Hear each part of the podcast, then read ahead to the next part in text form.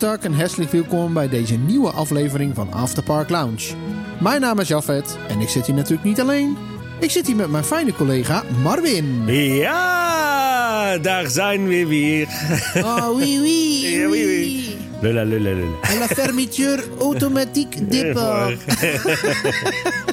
Wij hebben het vandaag over Frankrijk. Eh, oui, oui. eh, themagebied in Frankrijk. Eh, Oh, oelala. Oelala. Ja, Oelala. Lang geleden, maar we gaan weer een keer een EP-special doen. Yay. Inderdaad, deze keer over het themagebied Frankrijk, waar van alles te zien en te doen is. Ehm, maar voordat we daar helemaal induiken, Marvin, eh, wat weten we over het themagebied Frankrijk? Nou, het eh, themagebied is in 1989 geopend. Ehm, het aantal attracties is zes. En bij opening was het toen nog twee. Namelijk de Eurotower en Eurostad. Yes. En uiteraard hebben we natuurlijk ook eh, zeg maar de restaurants. Waarvan er uiteindelijk, het, is, het valt me toch eigenlijk wel bijzonder mee, zeven stuks van zijn. Ik vind het veel voor een themagebied. Ja. Zeven stuks. Ik, denk, ik neem aan dat we zo er nog wel even doorheen gaan. Hè? Zeker gaan we dat. Dan hebben we natuurlijk eh, acht winkels. Jawel. Not? Ja, lekker champagne. Precies. Eén show en natuurlijk nog, ja, niet heel onbelangrijk, de toiletblokken. Dit zijn er eh, een stukje of vijf stuks. Ja. ja, wat vinden wij van Frankrijk als themagebied, Marvin? Ehm, ik vind het wel typisch Europa Park, laat ik het zo zeggen. ja? Wat, ja. Wat, wat is typisch Europa Park? Ehm, zeg maar ook de, de decorbouw van 1989, zeg maar. De, de- waar- waarbij je dus gewoon door dat gebied heen loopt. Ik vind het wel heel typisch Frans. Dus echt de gevels, zeg maar. Ja. Eh dan heb je natuurlijk ook de grote geodetische bol die aan het eind zit. Die natuurlijk wel iedereen herkent. Ook van natuurlijk eh, Disney, Epcot. Precies. Eh, maar goed, ja, daar hebben ze geen, geen patent op vanuit Disney. Dus dat kun je gebruiken. Ehm, en er zijn er wel meer. Maar, ik, maar ja, ik mo- moet zeggen, ik vind dat wel een heel sfeervol en gezellig eh, themagebied. Ik mag er ook graag komen. Eh, want een van de, van de gastronomische is de boulangerie. de bakker. De bakker met eh holzovenbrood. Hey, Vers gebakken. Dus ja, daar joh. kom jij wel eens. ja, zeker. Als ik even op een gegeven moment geen idee meer heb van wat, wat zou ik nog moeten eten. En dan ga ik vaak naar de boulangerie en haal er even een breedseltje. Oh, lekker. Lekker hoor. Ja, ze hebben er ook allemaal kleine gebakjes en zo. Ja, ja, ja, ja, maar dat zit dan vaak bij Chez Marianne. Oké, ja, ja. Ja. Ja, eh, voor mij eh, prima themagebied. Ja. Ehm, denk wel een van de betere, eerlijk gezegd. Eh, Mhm. We hebben het al eens vaak in de attractievergelijking besproken. Hè? Ik kijk altijd naar een themagebied van hoeveel tijd spendeer ik er? Wat kan ik er doen? Hoe ziet het eruit? Nou, qua tijd ben ik daar altijd wel vaak. Er zijn veel attracties. Bijna alles doe ik ook gewoon. Ehm, ja, de, de ambiance is prima. Eh, het kan daar wel heel druk zijn. Zeker omdat het bij, vrij dicht bij de ingang is. Merk ik soms dat het daar echt heel druk is. Als in iedereen loopt hutje mutje op elkaar. Dat heb je in sommige andere themagebieden wat minder. Mhm. Ehm, ja, en ik denk ook wel dat op een gegeven moment is het natuurlijk op de schop gegaan helemaal. Daar komen we straks ook op. Dat dat wel echt een goede verbetering is geweest voor, eh, voor het Franse themagebied. Ja, ik denk dat het ook wel nodig was. eh.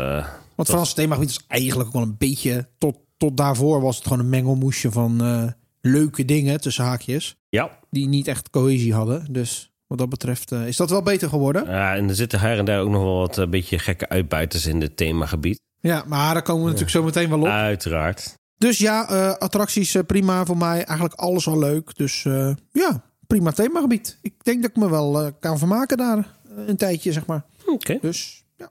Nou, dan zullen we maar eens even de tijdlijn erbij pakken voor eh, dit themagebied. Ehm, ja, het ontwerp van Frankrijk, hè, dat werd eigenlijk vrij vlot eh, in gang gezet nadat het themagebied Engeland in 1988 werd opgeleverd. Ik dacht altijd heel lang dat Frankrijk het tweede themagebied was, maar dat was helemaal niet zo. Dus het, Het derde zou ik dan eerder het verwachten. is het vierde, want het derde is. eh, nou, dat staat hier trouwens ook bij. hè, eh, het is het vierde themagebied, want het eerste themagebied was Italië in Ja. 81. Holland was 84 en Engeland was 88. Dus Ja. dan is dit eh, 89. Zou een mooie strikvraag zijn. Ja, iets met een pubquiz. Ja, Ehm, nou ja, dit themagebied werd uiteraard ontworpen door Ulrich Dammerau. Hè, die natuurlijk eh, al eh, een hoop ervaring had bij eh, andere themagebieden. Als je op googelt op Ulrich Dammerau eh, Frankrijk op zijn Duits... dan krijg je ook hele mooie schetsen te zien van hoe hij in gedachten had dat het eruit moest zien. En dat matcht ook wel goed. Dus dat is wel, wel gaaf.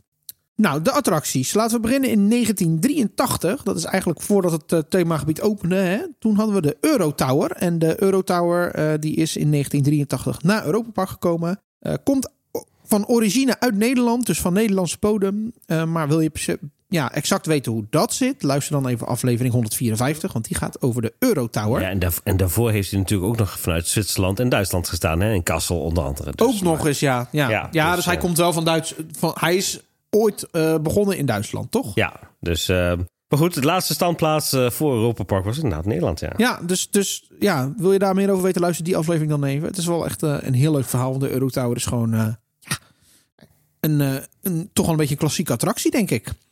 Nou, uh, Eurotower hè, stond er al eventjes. Had aanvankelijk voordat het Franse themagebied gebouwd werd niet echt een thema. Uh, nadat het Franse themagebied opende veranderde voor de Eurotower eigenlijk praktisch niets. Ehm, de eerste grote verandering was in 2015. Toen ging het hele gebied rondom de Eurotower op de schop. Uh, sowieso kreeg het, we, het gebied kreeg steampunk thema. Uh, de wachterij werd overdekt. En de attractie kwam in teken staan van uh, Zeppelin. Hè? 2015 ehm, was overigens ook het jubileumjaar van Europa Park. Want het park bestond toen 40 jaar. En dit werd ook met stickers op de onderkant van de Eurotower gondel geplakt. En uiteraard natuurlijk jaarlijks bijgewerkt. Hè? Dat was het Celebration jaar. En toen Marvin, wat was de volgende attractie die opende? Ja, dat was uh, Eurosat. En die, uh, het ontwerp voor die achtbaan werd al in 1987 gemaakt door uh, Frans Mak. Um, als idee werd natuurlijk naar Apple, Epcot gekeken, die eenzelfde soort constructie had qua, qua bol. Alleen qua andere attractietype uiteraard. Want daar zit een dark rides binnen. Ja. Ben je er wel eens in geweest? Jazeker, jazeker. -huh. Dus een, een attractie over tijd ging het, zeg maar. Oh, over okay. geschiedenis okay. en zo. Maar goed, hier als een totaal ander idee uh, daarvoor. Voor hem maakt het dus niet uit uh, dat het uh, leek op de bol in Epcot. het ging erom dat mensen eens wat anders zagen dan een Oktoberfest in München. Of steden uit Freiburg of Karlsruhe. Nou, voor het ontwerp deed Frans Mak alles zelf. Knippen, plakken, snijden, vouwen. Ja, lekker knutselen, hè? Ja. Hij heeft meer, meer dan 100 uur gespendeerd aan een maquette maken... En uh, Werner Stengel heeft uh, daarna aan de hand van het model het layout gemaakt. En zo werd dus de rijdynamiek uh, en de hoogteprofielen berekend door Stengel. Heeft Stengel nou meer gedaan voor Europa Park of niet? Oeh. Of was dat alleen de Eurosat? Volgens mij denk ik alleen de Eurosat. Maar we zouden dat nog eens even moeten kijken. Um, de, de bol zelf is een patent van, uh, van MAC en is ook speciaal voor de attractie bedacht, bedacht en gebouwd. Overigens is wel een leuk, uh, een leuk feitje, dat komt in, in de Europa Park story voor. Uh, een van de constructeurs die voor Europa Park werkte, zeg maar, om de, al die achtbanen in elkaar te zetten. Die zei al van, ja, Frans die kwam dus eigenlijk gewoon met de maquette zo de bouwtrein op. Zo, dit moet het worden, succes. Ja, echt? ja, serieus. Wauw. Dus uh, dat, dat was wel heel bijzonder. In het voorjaar van 2017 werd dus ook bekendgemaakt dat Eurosat verbouwd zou gaan worden. er werd een soort van digitale aftelklok opgehangen die dus aftelde naar de laatste rit. En Europa Park had toen al aangegeven dat er een officiële laatste rit komt. Nou, dat was dus op 5 november 2017 om 6 uur. En dat was dan ook de aller, aller, allerlaatste rit van die attractie. Met familie Mak. Uiteraard. Mis je de oude Eurosat of heb je zoiets van, nou, prima? Ik vind het voor nu prima. Ik had de, de, de rijcomfort was altijd wel een beetje sowieso. Vooral als de remmen halverwege zeg maar gewoon Oh, opstonden. Dan was het inderdaad een versie van knieën, knieën, knieën, knieën, knieën, knieën, knieën. Precies. Um, dus, dus ja. Oké.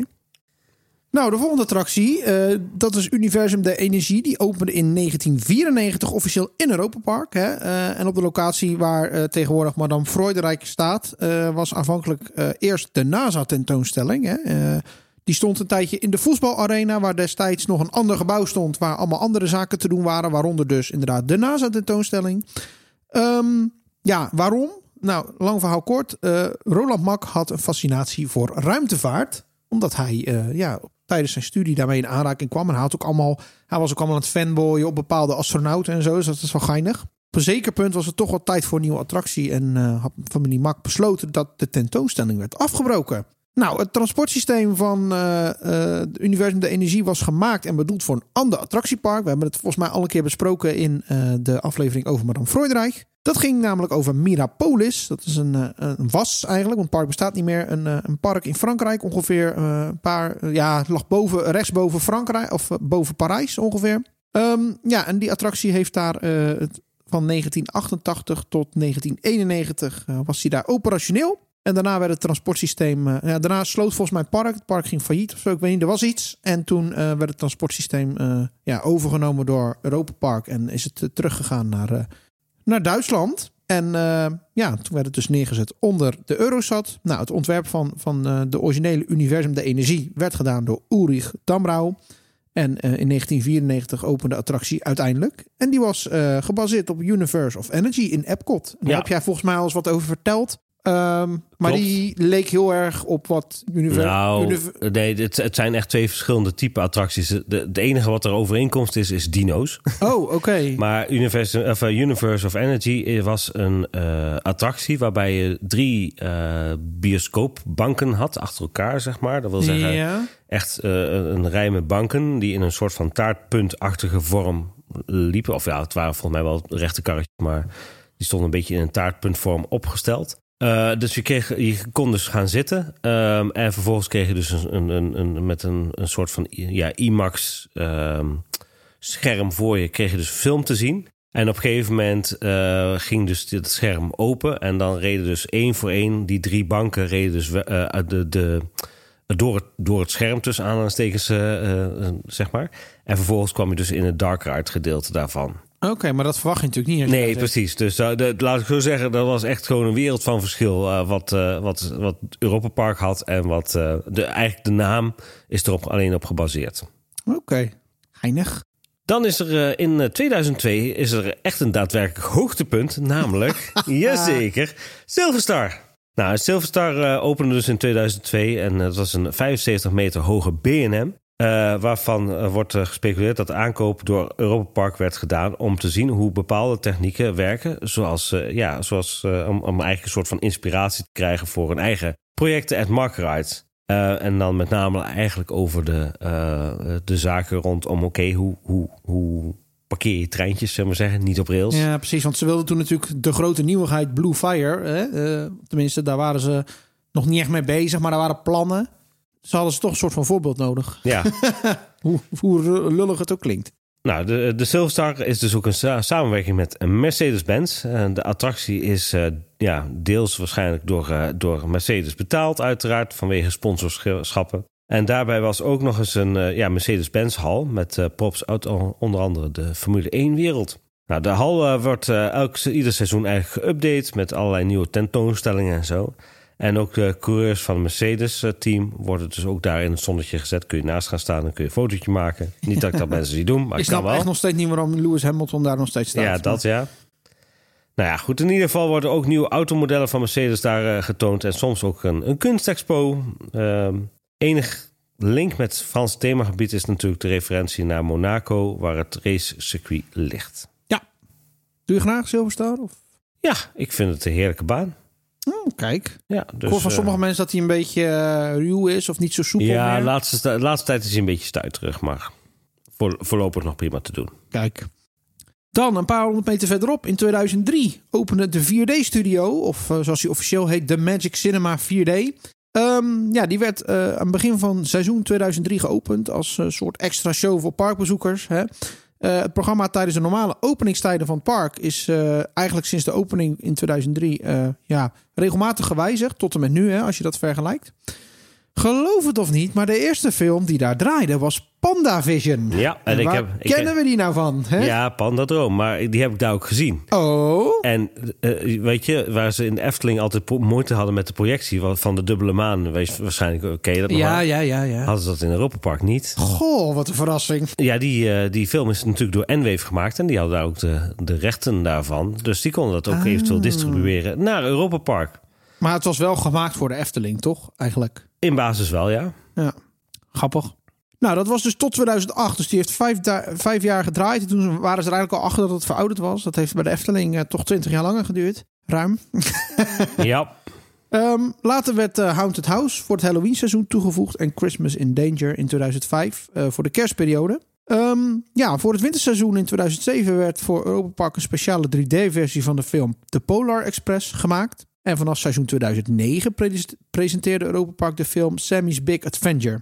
In het winterseizoen 2011 uh, was er niet meer de Polar Express, maar die was vervangen door uh, ja, eigenlijk de eerste film die Europa Park zelf had gemaakt. En dat was namelijk Das Geheimnis uh, von Schloss Balthasar, hè? Van Mac Animation. Nou, en diezelfde film was ook vanaf 2012 ook in de zomerversie te zien.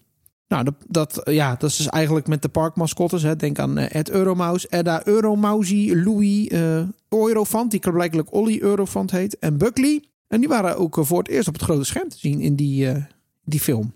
Nou, in 2014 werd er ook ergens in het seizoen op bepaalde momenten een compilatie van de drie Arthur-films vertoond. Dus wist ik ook niet. Um, en daarna kwam eigenlijk de grote nieuwigheid. Hè, dat was in 2015. Een van mijn favorieten, eerlijk gezegd. Ja. Die Zijdcarousel. Ja, geweldige film. Ja, maar ook gewoon qua flow was goed. Qua audio was goed. Maar ook de link naar de geschiedenis. Hè. We hebben natuurlijk vorige week gepraat over de geschiedenis. Nou, dus heel veel zaken kwamen ook terug in die Zijdcarousel. Ja, dat is fantastisch. Um, ja, dat was in 2015. Dat was dus ook het jubileumjaar, hè, wat ik net al vertelde. Yep. Nou, en in dit filmavontuur kregen, ze, kregen Ed en Edda ook hun voornaam. Want dat was natuurlijk op het einde bekendgemaakt. Een jaartje later kwam er een nieuwe film in 2016. Dat was Happy Family. Um, en die was eigenlijk tot het einde van 2018 te zien in de Magic Cinema. En die werd afgewisseld met die Side Carousel. Vanaf winter 2018 uh, uh, kwam uh, een nieuwe film. En dat was Nachts in Park. Die ik overigens ook erg goed vond. Heel vermakelijk. Ja, met de nachtkrab. Hè, die, Vooral de Blue Fire scène. Hilarisch. Ja, met die elfjes. Ja. ja, de nachtkrab. Ja, lang verhaal kort. De nachtkrab komt. Die stilt een, een artefact vanuit Adventure Club of Europe-achtige omgeving. En daarmee kan hij dus allemaal objecten tot leven brengen. En dan moeten Ed en Edda moeten ja, dat artefact weer terug zien te krijgen en voorkomen dat de boel op stelte wordt gezet. Maar op een zeker punt zie je zelfs de Eurotower voorbij springen. Dus ik vind hem heel erg leuk. Heerlijk humor. Ja. Um, in 2020 en 2021 uh, werd Nachts in Park afgewisseld met Ausbroeg naar Batavia. Wat natuurlijk logisch was, hè, want uh, dat was ook in de periode dat uh, Piraten Batavia weer aan het terugkomen was. En in 2022 ja, verscheen er weer een nieuwe film in de bioscoop. En dat was The Happy Family Next Level 4D. Die ik zelf een beetje tegen vond vallen, maar... Ik vind hem wel grappig, maar hij, niet, het is niet... kwalitatief hoogstandje van Nee. de films, zeg maar. Geef mij maar gewoon Europa Park content, doe maar. Ja, inderdaad. Ja, Happy Family is natuurlijk wel Europa Park content. Ja, ja, klopt. Maar dan ook gewoon Europa Park in de centraal. In, Ja, ja, In de ja, ja. Nou, en in eh 30 september 2023, dus dat is eh, kort geleden, nodigt eh, Nikola Tesla ja, ons uit om zijn uitvinding Voltron in 4D te ontdekken in de Magic Cinema. Nou, en dan krijg je dus inderdaad het, wat we eigenlijk al een beetje hadden verteld vorige keer, hè, het verhaal met de komende Kroatische themagebied en natuurlijk het Voltron gebe- gebeuren. En eh, voor de jonge kijkers, hè, dat was het Voltron en Nikola Tesla was natuurlijk best wel serieus. Hebben ze toch maar weer afgewisseld met Nachts in Park eh, voor de jongere gezinsleden.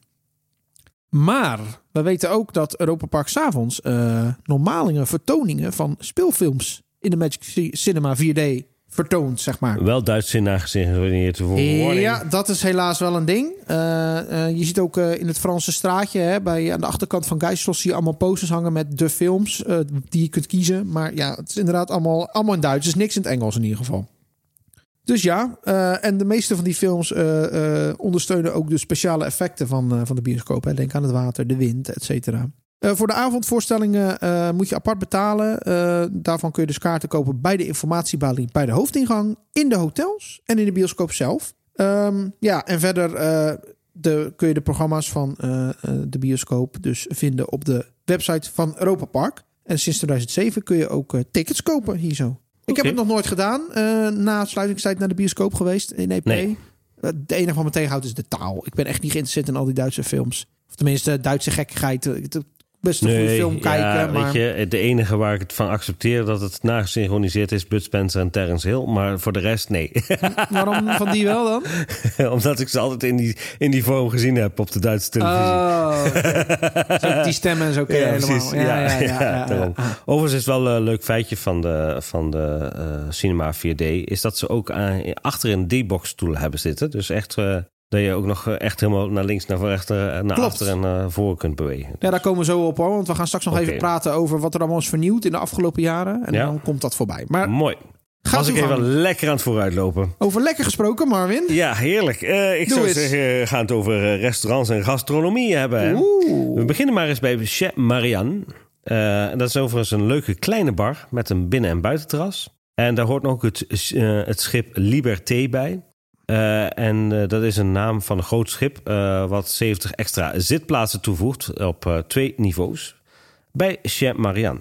En op een schip kun je ook een kleine, is ook een kleine bar waar je dus drank geschonken wordt. En je kunt daar ook van die eclairtjes krijgen en van allerlei andere dingetjes. Dus het is lekker voor, voor de, bij de koffie. Oké, ja, ik ben dus nog nooit bij Chez Marian geweest. En Ja.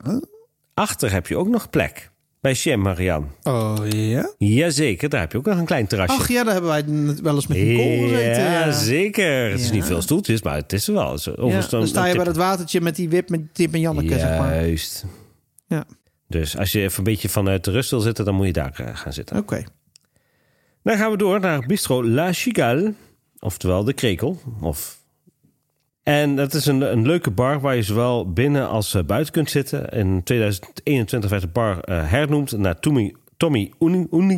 En dat is een bekende kunstenaar uit de Elzas. Overigens is het wel grappig dat dit bistro en dit straatje... eh, dus namelijk ver- verwijst naar een film. Ja, En daar komen we bij... eh, daar, daar kom- komen we nadien nog wel een keer bij. Ja, precies. Ik wilde het net maken. Ik Dankjewel. was je voor, jammer Ja. joh. Bij Creperie Nadine. En dat is een leuk standje waar je natuurlijk vers gebakken crepes kunt kopen. Maar Nadine Nakt in Bistro is het filmpje, eh, is de film die dus in Europa Park is opgenomen. Want het is een filmdecor, dat Franse straatje. Ja, daar was het voor gebouwd, toch? Ja, daar was het voor gebouwd door uiteraard Ulrich Damrau. Oh. Ehm, en dan, dan gebruiken ze dus de, de- die bistro als, eh, als filmset. Was jij wel eens geweest daar bij eh, La Cigale? Ik ben er nog nooit Ik binnen. ben nooit echt binnen geweest. Ja, alleen maar langsgelopen vanwege de wc-blokken die daar zaten. Dus, eh, ja, oké. ja. Maar dat is meer Mille Fleur, denk ik, toch? Ja, de combinatie, zeg maar. Oké. Dus. Ik vond La Cigale altijd een beetje saaiig Ja. ogen of zo. Saai. Ja, nou niet saai. Echt niet super saai, maar een beetje, een beetje saaiig of zo. Ja. Ik- denk dat ik die Shane Marian dan aantrekkelijker vind om te gaan zitten. Precies. Dan hebben we nog de Elsasser Holsthoffen-bakkerij. Dan gaan we iets een stukje verder, als je nog niet je honger ge- genoeg gestild is. Dat is een eh, heerlijke bakkerij waar ook gewoon echt warme broodjes eh, over de toonbank gaan. Oh, en gebak, hè? ja, overigens echt wel een, een aanrader. Dus als je een keertje naar huis rijdt, dat je nog zo'n Holst- Holsthovenbrood daar meeneemt. Echt eh, heerlijk. Eh, en dan kun je natuurlijk ook eh, verse brood, gebak en natuurlijk drank, eh, drinken halen. Ja. Dan gaan we naar iets typisch Elzas, iets typisch Frans. Dat is de Vlammenkoegehuis Tart Flambé. En die is, bestaat sinds 2018 en is natuurlijk, zit aan het uiteinde van Frankrijk. Het is een tent waarbij je dus verse vlamkoegen kunt halen. Ja. Zowel hartig als zoet. Ja. Vind je lekker, vlamkoegen? Bij tijd en wijle, ja. ja. Maar dan wel vooral de appelkaneel. Ja, precies. Maar jij lust geen kaas. Dus dan is het al... Want natuurlijk veel vlamkoeks allemaal met kaas. Precies. Ja. Dan hebben we nog een Happiness Station Silverstar. Eh, dan gaan we helemaal de andere kant op. Ja. Eh, de Ola Happiness Station, uiteraard bij Silverstar, heb je zowel binnen als buiten heb je een afgiftepunt. En deze stand staat er, stand staat er sinds 2017. Dan kun je koffie en nog wat extra's halen. Ja? Ja, ik vind heel eerlijk, Marvin. eh, vind ik het stukje achter, eigenlijk voorbij Creperie Nadine tot en met Griekenland, vind ik. mm, ik, vind ik vind dat altijd eh, een beetje nep Frankrijk of zo. Het hoort er officieel bij, maar het geeft me niet het echte, het echte Frankrijk gevoel. Stopt ja. zeg maar daar bij Crepe Nadine, vind ik hoor. ja, Maar, dat klopt. Ja. Ja, ja, ja, want dan krijg je meer het futuristische eh, gedeelte. ja, ja, ja. Ja, Ik vind het Happiness Station vind ik ook niet mooi. Dus het is gewoon, nee, maar een, het is, eh, het is meer zo'n zo'n gewoon een race. blik, zeg maar. Ja, het past mooi bij het race thema. Laten we het daar maar Ja. op houden. Past er mooi bij, ja. Ja. Eh, Dan hebben we natuurlijk, eh, om nog maar even in race thema te blijven, hebben wij natuurlijk de Motorsportsbar. Dat is een klein barretje waar je onder andere popcorn en nachos kunt kopen. kijk. En vervolgens komen we bij de grote restaurants natuurlijk. Mille Fleur, oftewel de Duizend Bloemen. Fleur is natuurlijk een groot restaurant eh, wat een gebouw deelt met de pizzeria, pizzeria Venetia. Officieel opende Mille Fleur in 2006 en de keuken eh, en het zelfbedieningsgebied worden gebruikt voor beide kanten. Dus het heeft een gedeelde keuken. Ja, er is uiteraard van alles te koop. Pasta, pizza, lasagnes, salades, you name it. En verder is natuurlijk ook een restaurant aan de Italiaanse zijde nog een koffiebar waar je heerlijke koffie en koeken kunt kopen. Ja, ik moet eerlijk zeggen, we hebben het natuurlijk in, uh, een bijna een jaar geleden, maar we hebben het vorige keer gehad over het themagebied Italië. Uh, ik vind zelf het Italiaanse gedeelte wel de mooie kant van Ja, is wel sfeervoller dan, uh, ja. dan de Millefleur. Ik vind Millefleur niet zo heel mooi, maar het eten is prima. Ja, dus, je kunt er goed hachelen. Het is echt... Zeker. ja. Dan hebben we natuurlijk nog Klein Frankrijk, oftewel het favoriete restaurantje van Sander, Petit France. ja, ja, ja. Uh, en dat is een restaurant, uh, uh, um, zeg maar, waar je natuurlijk heel wat dingetjes kunt eten daar.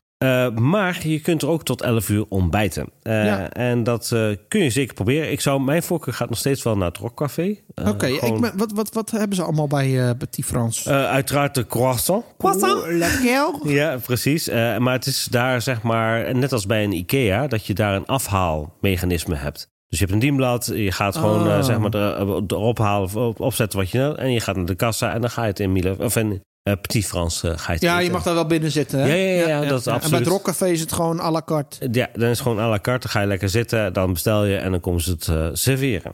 Wat, ik, wat iets meer mijn voorkeur heeft. Dus en verder voor de rest, ja, nou goed, van alles en nog wat. voor mij ook saladebar en zo hebben ze daar oh, okay. heel veel dingen.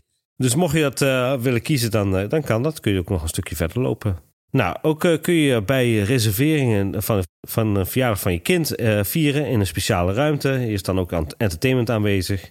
Dus uh, ja, Petit France is een van de oudste restaurants van Europa Park. Dat is waar, ja. Samen met het Seahouse volgens ja. mij. Ja. Wat is er nog meer te doen? Nog meer te doen. Frankrijk. Oh ja, jongen. potverdorie. We hebben natuurlijk het Franse straatje. Jij noemde hem net al eventjes. Ja. In 1997 werd het officieel aangelegd als achtergrond van een grote tv-productie. Namelijk Nadine Naakt in Bistro.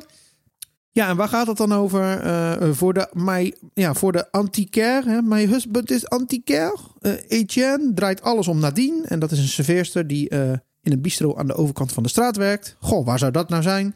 Nou, als, hij de, als de winkel failliet gaat, dan koopt hij hem zodat hij haar niet kwijtraakt. Maar omdat hij verlegen is, regelt hij haar blauw, bruiloft uiteindelijk met iemand anders. Ah... Ja, dat is dus inderdaad ooit gebruikt uh, voor het opnemen van uh, die film. Die film moet ik eens een keer uh, kijken. Want ik ben, denk dat we heel veel herkenbare dingen gaan zien.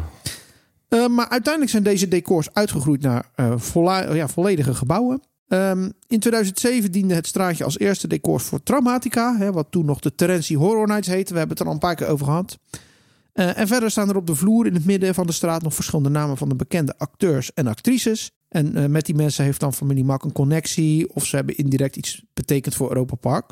En als laatste achterin, achter Geiselslos dus, uh, staan ook nog uh, verschillende handafdrukken op de muur van bekende personen. Ja. Maar dat zijn natuurlijk wel voornamelijk Duitse en Franse. Ja, maar volgens mij André Rieu staat ook Oh, is dat zo, ja? Ja, er staan nog ook een aantal Nederlanders. Oh, joh.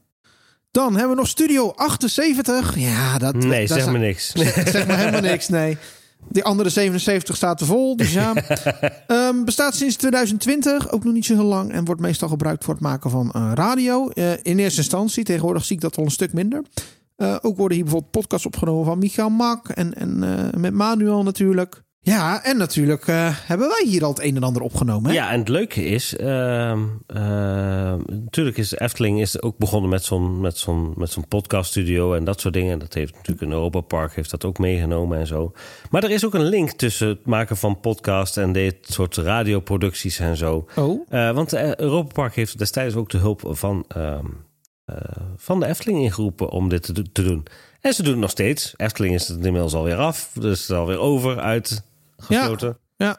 Maar de Efteling is natuurlijk ook meer eerder mee begonnen. Want dit Ja, is ja, pas ja, sinds ja. 2020. En volgens mij was de Efteling Radio er echt al eh, voor 2010, toch? Klopt, en ze hebben daar ook heel veel connecties met SVR-radio en zo, waar ze dus, of oorradio, waar ze dan ook mee, eh, mee samenwerken en zo. Ja, ik vind het in ieder geval een leuk studio. Kom er Ja. graag. Echt goed gedecoreerd ook. Precies. Superleuk. Ja, dat is eh, homebase. Ja, voor ons wel een beetje, hè? Zeker. Dan is er nog Fonteinenshow. Eh dat is eigenlijk op het water naast de Eurotower. En die uh, Fonteinenshow staat er sinds 2018. Eigenlijk vanaf half tien ochtends eh, ieder half uur te zien. En s'avonds uiteraard ook met eh, lichteffecten. Ja, dan zijn er nog een aantal shops. Eh, denk aan de Silverstar Shop, eh, waar je eh, leuke Mercedes-gerelateerde spullen kunt kopen. Of natuurlijk gewoon Silverstar, hè, want ze hebben daar ook een tijdje stukken van kettingen verkocht, geloof ik. De Nissi Shop. En Nissi is grappig genoeg geen Frans merk, maar een Duits merk die eh, knuffeltjes eh, verkoopt. Uiteraard de Sminkhoek. eh, dat zit eigenlijk naast de Nissi Shop. De Coastuality Shop. ehm, de Leonardo Juweliers. ja, het is er gewoon. En de Bonbonnière. En dat is eigenlijk het, ja, het winkeltje bij de uitgang van de Eurotower. Kun je lekker zoetigheden kopen. Uh, verder hebben we nog Info am Turm. De, oftewel informatie bij de toren. Uh, is het sinds 2012 geopend. En kun je eigenlijk vragen stellen over resortpasses. En vroeger moest je hier natuurlijk heen als je abonnement kocht. dan moest je naar de hoofdingang zeggen: Ik wil een Europa Park abonnement kopen. Zei ze: Is goed, betaal maar. En dan kreeg je een kaartje en dan kon je mee naar binnen. En dan moest je daarna met je kaartje helemaal naar achter lopen naar uh, info, info am Turm. Ja. En dan kreeg je daar je abonnement. Overigens moet je hier ook naartoe als je zilver hebt en je wil bijvoorbeeld nog een kaart laten uh, printen. Betaal je 5 euro en dan krijg je dus een fysieke zilveren kaart. Kan dus wel. Ja, uh, dan zijn er nog verschillende games. Hè? je kunt in de arcadehallen kun je terecht. Um, en natuurlijk kun je ballen schieten met water bij, ja, bij de Eurotower. Geen idee waarom, maar het is vermakelijk voor een aantal mensen. En de toiletblokken als allerlaatste. Ja, voor de kleine boodschap uiteraard. Precies, kunnen Paul en Tim ook even losgaan. Uh, waar zijn die dan? Nou, op het Franse plein, naast de bakkerij. Uh, sowieso hebben we toiletten bij Mille Fleur. Uh, er zijn nog toiletten naast Studio 78. Er zijn toiletten in Mercedes-Benz Hall. En er zijn toiletten in Petit Frans.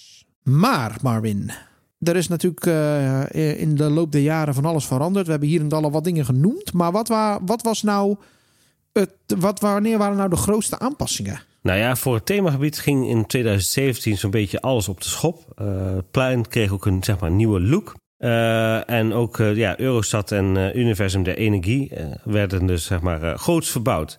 Als je zeg maar kijkt naar het themagebied, dan is het ook zo dat je voor de Eurostad had jij een soort van ja, um, grote Eiffeltoren staan. Die weet wel, de witte, dat witte ding met de Eurostad uh, daarbovenop. Ja. Nou, die is allemaal weggehaald. Ja, uh, maar die was ook lelijk. Ja, precies. Nou ja, de, de familie Mak die had daar nog wel wat moeite mee. Uh, Echt waar? ja, om dat weg te halen. want dat is een dingetje van Ulrich Damrau. Hè? Dus dat, gij, ja, gij zult daar niet aanraken. Ja, ja, ja, ja. Maar uiteindelijk is het toch door de designteam besloten van de halen we toch weg. want was maar dat was ook een soort lelijk... wat is het? Ja, een soort theater, toch? Dat zat daarvoor, zeg maar. Daar keek je, waar nu die boot ligt. Ja. Daar had je toen een theater of zo. Ik vond dat ook niet mooi. Nee, dat klopt ook inderdaad. En uh, dus dat, dat is dus ook natuurlijk mee, meegegaan. En ja.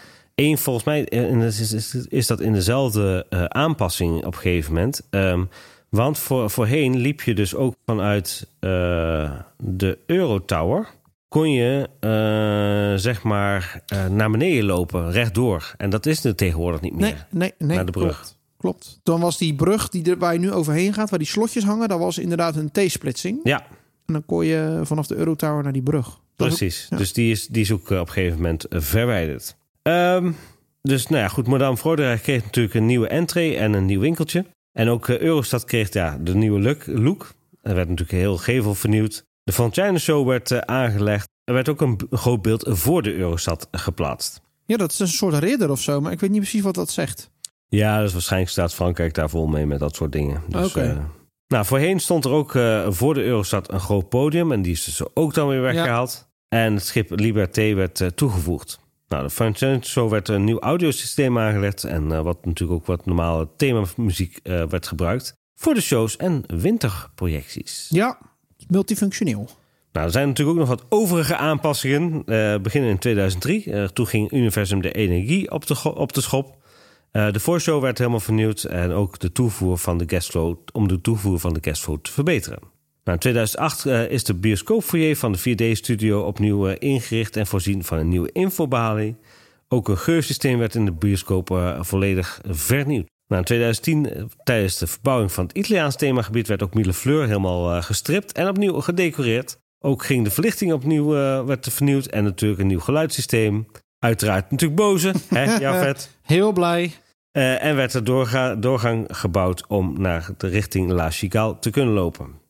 In 2011 uh, begon men met het uh, tonen van de eigen 4D-films. Dus de, de, de, de, Das Geheimnis van Schloss Balthasar, of de Secret of Schloss Balthasar, van Mac Animation. Of Mac Animation. Mac Animation. In precies 4D-studio. Ook vonden er uh, verdere renovaties aan de bioscoopgevel geplaatst. Uh, het entreegebied van de bioscoop werd natuurlijk aangepast naar het typische uiterlijk van een, een bioscoop. En dat is sindsdien duidelijk herkenbaar als bioscoopingang. En ik weet nog wel dat er ook op een gegeven moment beelden opgeplaatst werden van de, de mascottes Ja. met zo'n eh, met zo'n fakkel en zo. Klopt, klopt, klopt. Ja, de 4D-bioscoop werd in 2013 op omgebouwd naar, tot een Franse bioscoop. De gehele ja, voorruimte en ook de bioscoopzaal zelf zien er natuurlijk super gezellig uit. En ook ja, natuurlijk in een soort van ja, vriendelijk rode tinten. Echt dat bioscooprood, zullen we zeggen. Knalrood! Ja.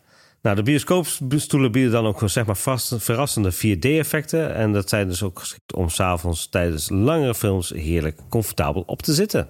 Ja, Nou, dan hebben we in 2014 Universum der Energie. Dus eh, daar werd alle verlichting werd vervangen en eh, werd ook eh, nieuwe dingen toegevoegd. Denk bijvoorbeeld aan de nevel bij de T-Rex, projecties en een verstelstap in de karretjes. ja.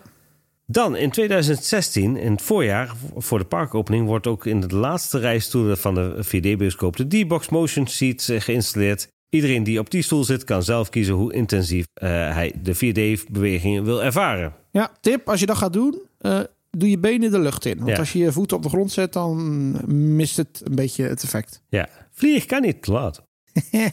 2017, eh, nou ja, goed, tijdens dit seizoen staan alles, eh, zijn er alle schermen geïnstalleerd die bij de ingang van de 4D-studio, waarop de shows en hun aanvangstijden in meerdere talen worden weergegeven. Dat is handig.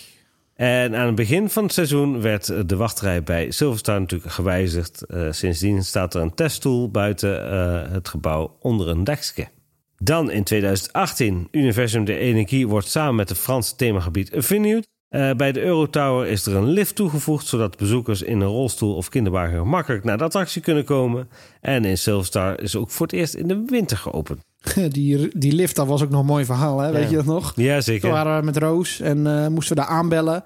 Nou, dan gaat er boven een zwaailichtje branden. En dan moet, als die toren naar beneden is, dan ziet die medewerker dat zwaailichtje. Dus die hangt dan over de, over de reuling. Oh, jullie zijn met de rolstoel? Ja, ja, ja, wij zijn met de rolstoel. Oké, jullie zijn met z'n drieën? Ja, wij zijn er met z'n drieën. Hij naar die lift, deurtje open, deurtje dicht. In de lift, druk op de knop. Heel langzaam naar beneden. Nou, wij weer, wij weer in die, eh, in die lift naar boven. En ondertussen stonden er gewoon mensen te wachten. Hè? Ja, dat is zo mooi. Oh, oh, oh. Ja. Dan gaan we nog even naar 2020. Eh, dat is het jaar waar het interieur van de gronden van de Eurotower is vernieuwd. Er zijn natuurlijk ook ven- eh, extra ventilatiegaten toegevoegd, want het was dan niet koud genoeg.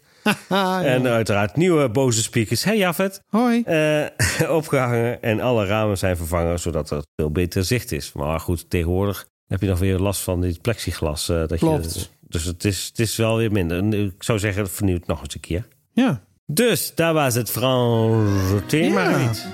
leuk. Ja, Leuk, leuk themagebied. dacht ik zo toch. Zeker. Lekker. Nou, Marvin, ik denk dat we er doorheen zijn dan voor vandaag. Ja, het is eh, fini. Finito. Oh, nee, dat is geen Frans. Nee, We gaan naar de sortie. Ja, sans. We gaan naar de sortie. ja, sortie. Dus Marvin, als meer mensen nou meer van ons willen weten, waar gaan ze dan naartoe? Dan kunnen ze naar Facebook, X en Instagram onder de handle Afterpark Lounge. Je kunt ook altijd een mailtje sturen naar apl.vijfzintuigen.nl.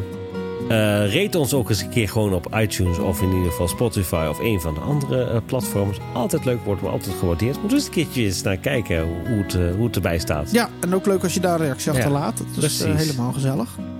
Dus Nou, en anders dan eh, zou ik zeggen, als je nog meer reacties wil achterlaten als je daar een behoefte hebt, dan moet je naar natuurlijk een Discord. Hè? ja, zeker. Ook vooral doen. Ja, Goed, volgende week zijn we gewoon weer terug met een nieuwe aflevering. ik Dus wou net zeggen. tot die tijd zou ik zeggen, auf Wiedersehen en tot ziens in Europa Park. Tot ziens in Europa Park en bedankt voor het luisteren.